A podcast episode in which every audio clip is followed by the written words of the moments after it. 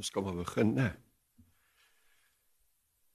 Ons is hier om vir Louise en sy kleintjie sak en ouma Wies uh te groet verlaas om dankie te sê aan die een kant is 'n mens hartseer as jy iemand verlaas groet. Maar aan die ander kant is ons ook almal dankbaar vir haar lewe En ons is hier om saam te treur, maar om saam ook uh te vier. Ons kan eintlik ook vir mekaar sê al het ons trane, dan drink ons ook 'n heildronk op haar lewe. En dit mag in ons almal so sien. Kom ons begin net eers om saam te bid. Here onsse God, U ken ons hart. U ken ons gedagtes. U verstaan van ver af dit wat binne in ons gebeur. Ook wat van ons besit neem as ons afskeid neem. U weet hoe broos ons is en hoe vreemd die ervaring om vir ou laas tot siens te sê. Daarom kom ons na u Want U is die een wat in ons leed naby ons is. Ons glo ons trane is vir U nie verborge nie en dat U ons smart in U weegskaal hou. Maar ons kom ook met ons dankbaarheid.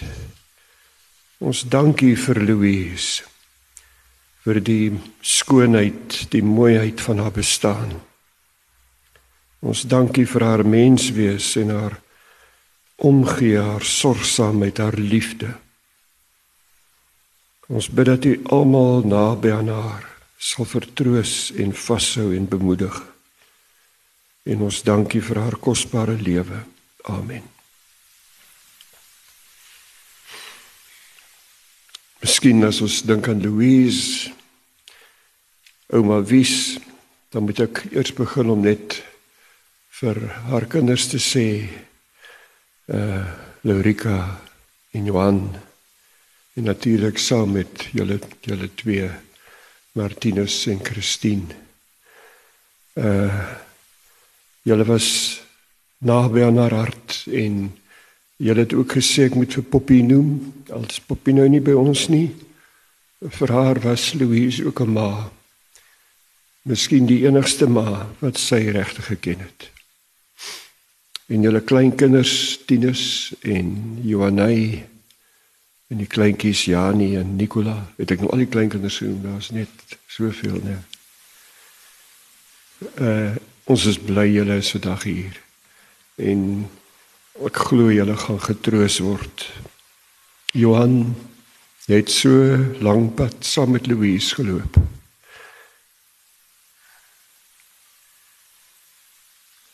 saam met julle ruimte geskep ook vir julle kinders. En daarom sê ons vir jou ook so veel dankie en troos toegebid. Dit sê ons vir almal wat vandag hier is, vriende, naby vriende en familie wat hier is. Ek gaan vir ons twee gedeeltes lees uit die Bybel. Eers uit Psalm 103 wat gaan oor die goedheid van God, maar wat ook 'n bietjie dink wat is 'n mens se lewe nou eintlik werd? Dit begin met die woorde loof die Here o my siel en prys sy heilige naam.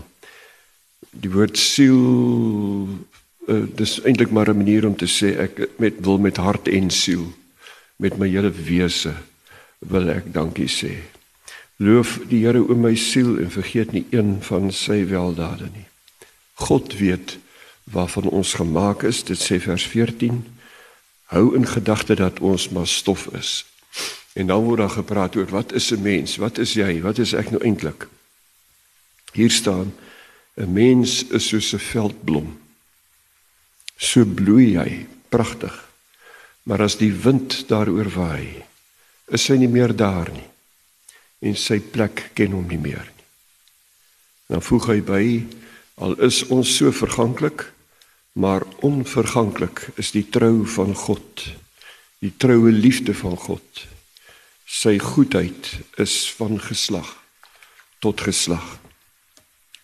Nou wil ek uit Matteus lees uh, woorde wat Jesus gesê het. Uh sy heel eerste preek het hy begin met die woord gelukkig. En toe herhaal hy die woord sommer 'n klomp keer. Uh jy kan dit vertaal met gelukkig, uh geseënd. In die ou dae het ons gepraat van die saligsprekinge want toe as jy se vertaal met salig is hulle. Maar Jesus sê gelukkig is hulle wat weet hoe afhanklik hulle van God is. Aan hulle behoort die koninkryk van die hemele. Geseend is die wat treur. Hulle sal vertroos word. Geseend is die sagmoediges. Hulle sal die aarde beerwe. Hierdie is wonderlike poëtiese taal. Ek weet nie elke keer hoe ek elkeen moet vertolk nie, maar as poesie val dit sag op my oor. Gelukkig is die wat honger en dors na geregtigheid. Hulle sal versadig word. Gelukkig is die barmhartiges, want hulle sal barmhartigheid bewys word. Gelukkig is die wat suiwer van hart is. Hulle sal God sien. Gelukkig is die vredemakers. Hulle sal kinders van God genoem word. 'n Mens kan baie sê oor 'n mens se lewe en by die dood soos vandag raak ons aan die een kant bewus van die kosbaarheid. 'n Lewe is so enorm kosbaar.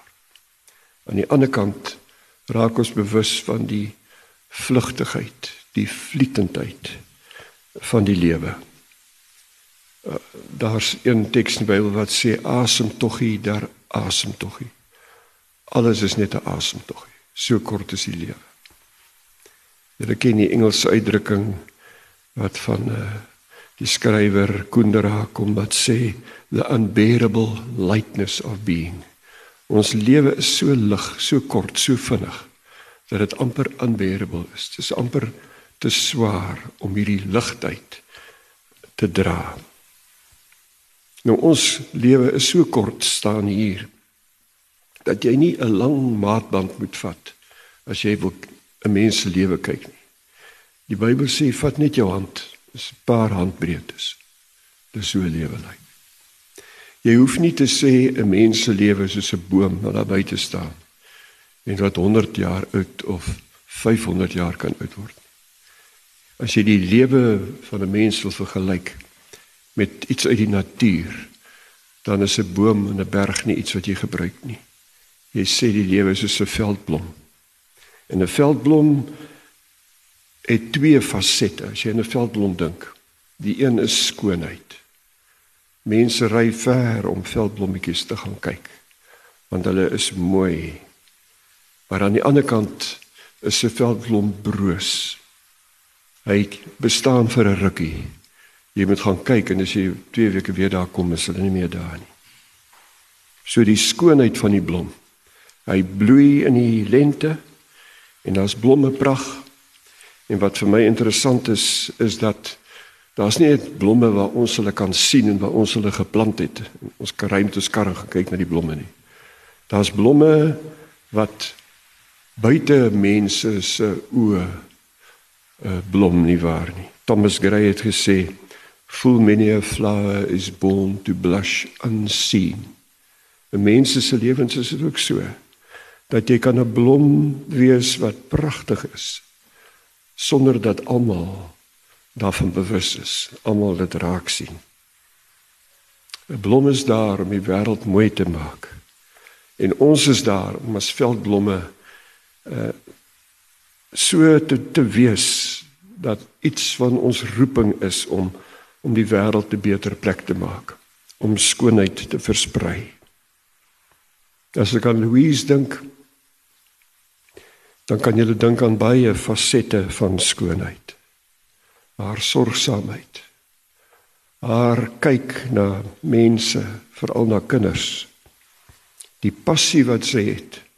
Byvoorbeeld vir kinders wat swaar kry of in die nood is of seer gekry het. Sy kon stilhou by mense wat langs die pad seer gekry het of verdriet gehad het. En daar's vele ander fasette wat jy beter as ek sou kon opnoem een vir een wat deel is van die skoonheid van hierdie veldblom die sorgsaamheid van haar bestaan dis die wat ek ook die teks gelees het wat sê waar Jesus praat en hy sê geseënd is die sagmoediges die barmhartiges die wat 'n sagte hart het vir ander wat in nood is wat bereid is om te stop by die een langs die pad Geseënd is die wat smag na geregtigheid. Dat geregtigheid ook moet gegee word vir die wat geen regte het nie en geen krag het om self die reg te bekom nie. Sy was 'n blom van die veld wat op 'n eie manier skoonheid uitgestraal het. Maar die ander kant van die veldblom is broosheid. Hier staan as die wind daaroor waai en hier word gepraat van die woestynwind. As die woestynwind kom, dan ontdek jy hoe breekbaar is daai blommetjie. Sy plek is skielik leeg. Hy is weg. Want hy is nie bestand teen die geweldige krag van die woestynwind nie. Dis 'n vreemde mengsel skoonheid en broosheid. Ons wil eintlik net skoonheid hê. Ons wil soek nie regtig die broosheid, die breekbaarheid. Maar ons moet begryp skoonheid en broosheid gaan saam. By 'n veldblommetjie kan jy nie skoonheid hê sonder broosheid. As jy 'n pragtige blom het, maar hy's onbreekbaar. Hy kan nie verwelk nie. Dan jy weet dis nie regte blom nie. Dan se plastiek. 'n Regte blom, egte skoonheid, het ook broosheid. Het ook feilbaarheid het ook swakheid, kan ook seer kry. En dis hoe ons lewens is, hierdie vreemde mengsel. Mooi, ons dra skoonheid na mekaar, maar ook broos. Nie een van ons is verhewe bo lyding en swaar kry en verdriet en die dood nie. Ons is nie immuun teen siekte en lyding. Ook God se mense is soos veldblomme en is breekbaar. Ek het nou net vir Jesus aangehaal. Toe hy gekom het, baie mense dink hy het gekom as 'n soort kragreus wat tafels kan omgooi en mense op hulle plek kan sit. Hy het nie. Hy het gekom as 'n weerlose mens. Hy het opgetree as iemand soos 'n veldblom, nie soos 'n kragman nie. Hy het skoonheid gebring maar hy was nie immuun teen lyding en sterwe nie. Hy was 'n veldblom. Ouma Wies was die allermooiste mens, sy was die veldblom, maar juis daarom het sy ook broosheid gehad. Dis deel van haar skoonheid. Ek wil net vra, is dit waar die Psalm stop en sê alles is maar net so, ons is 'n rukkie daar en ons is weg Ek glo sy bly lewe solank jy haar naam noem. Is is sy lewe sy is sy is sy teenwoordig by ons. Maar hier word ook gesê daar is iets wat onverganklik is. Hier staan ons is soos 'n veldblom, verganklik, maar onverganklik is God se liefde. En dis altyd vir my 'n vreemde gedagte. God se liefde is onverganklik en hier staan sy liefde is van geslag tot geslag. Dit loop van Johan, dit loop van Louise af na die volgende kinders toe, na die volgende kinders. Toe. So gaan God se liefde voort. Uh maar dit is tog 'n vreemde woord. Waar kry ons die reg? Wat weet ons eintlik van God af om te sê God is liefde? Kon dit ook met Nikolaas se doop waar Louise ook teenwoordig was. Het ek gesê ons kan eintlik nie oor God praat nie. God is 'n misterie. Maar om enigsins te glo of te probeer glo is om die wolk van misterie binne te stap. En jy hoef nooit bang te wees om dit te doen nie. Want in die sentrum van daardie wolk is liefde. En daarom staan daar ergens in die Bybel Romeine 8 niks kan ons losmaak van daardie liefde nie. Niks kan ons skei van die liefde nie. Geen dood of lewe. Geen hoogte of diepte. Niks in die verlede. Niks in die hede. Niks in die toekoms. Niks anders in die hele skepping kan my skei van die liefde van God. Ons is veldblomme. Maar hierdie veldblomme in hulle pragt en in hulle broosheid word opgevang in God se liefde op 'n manier wat ons nie kan begryp nie. Amen.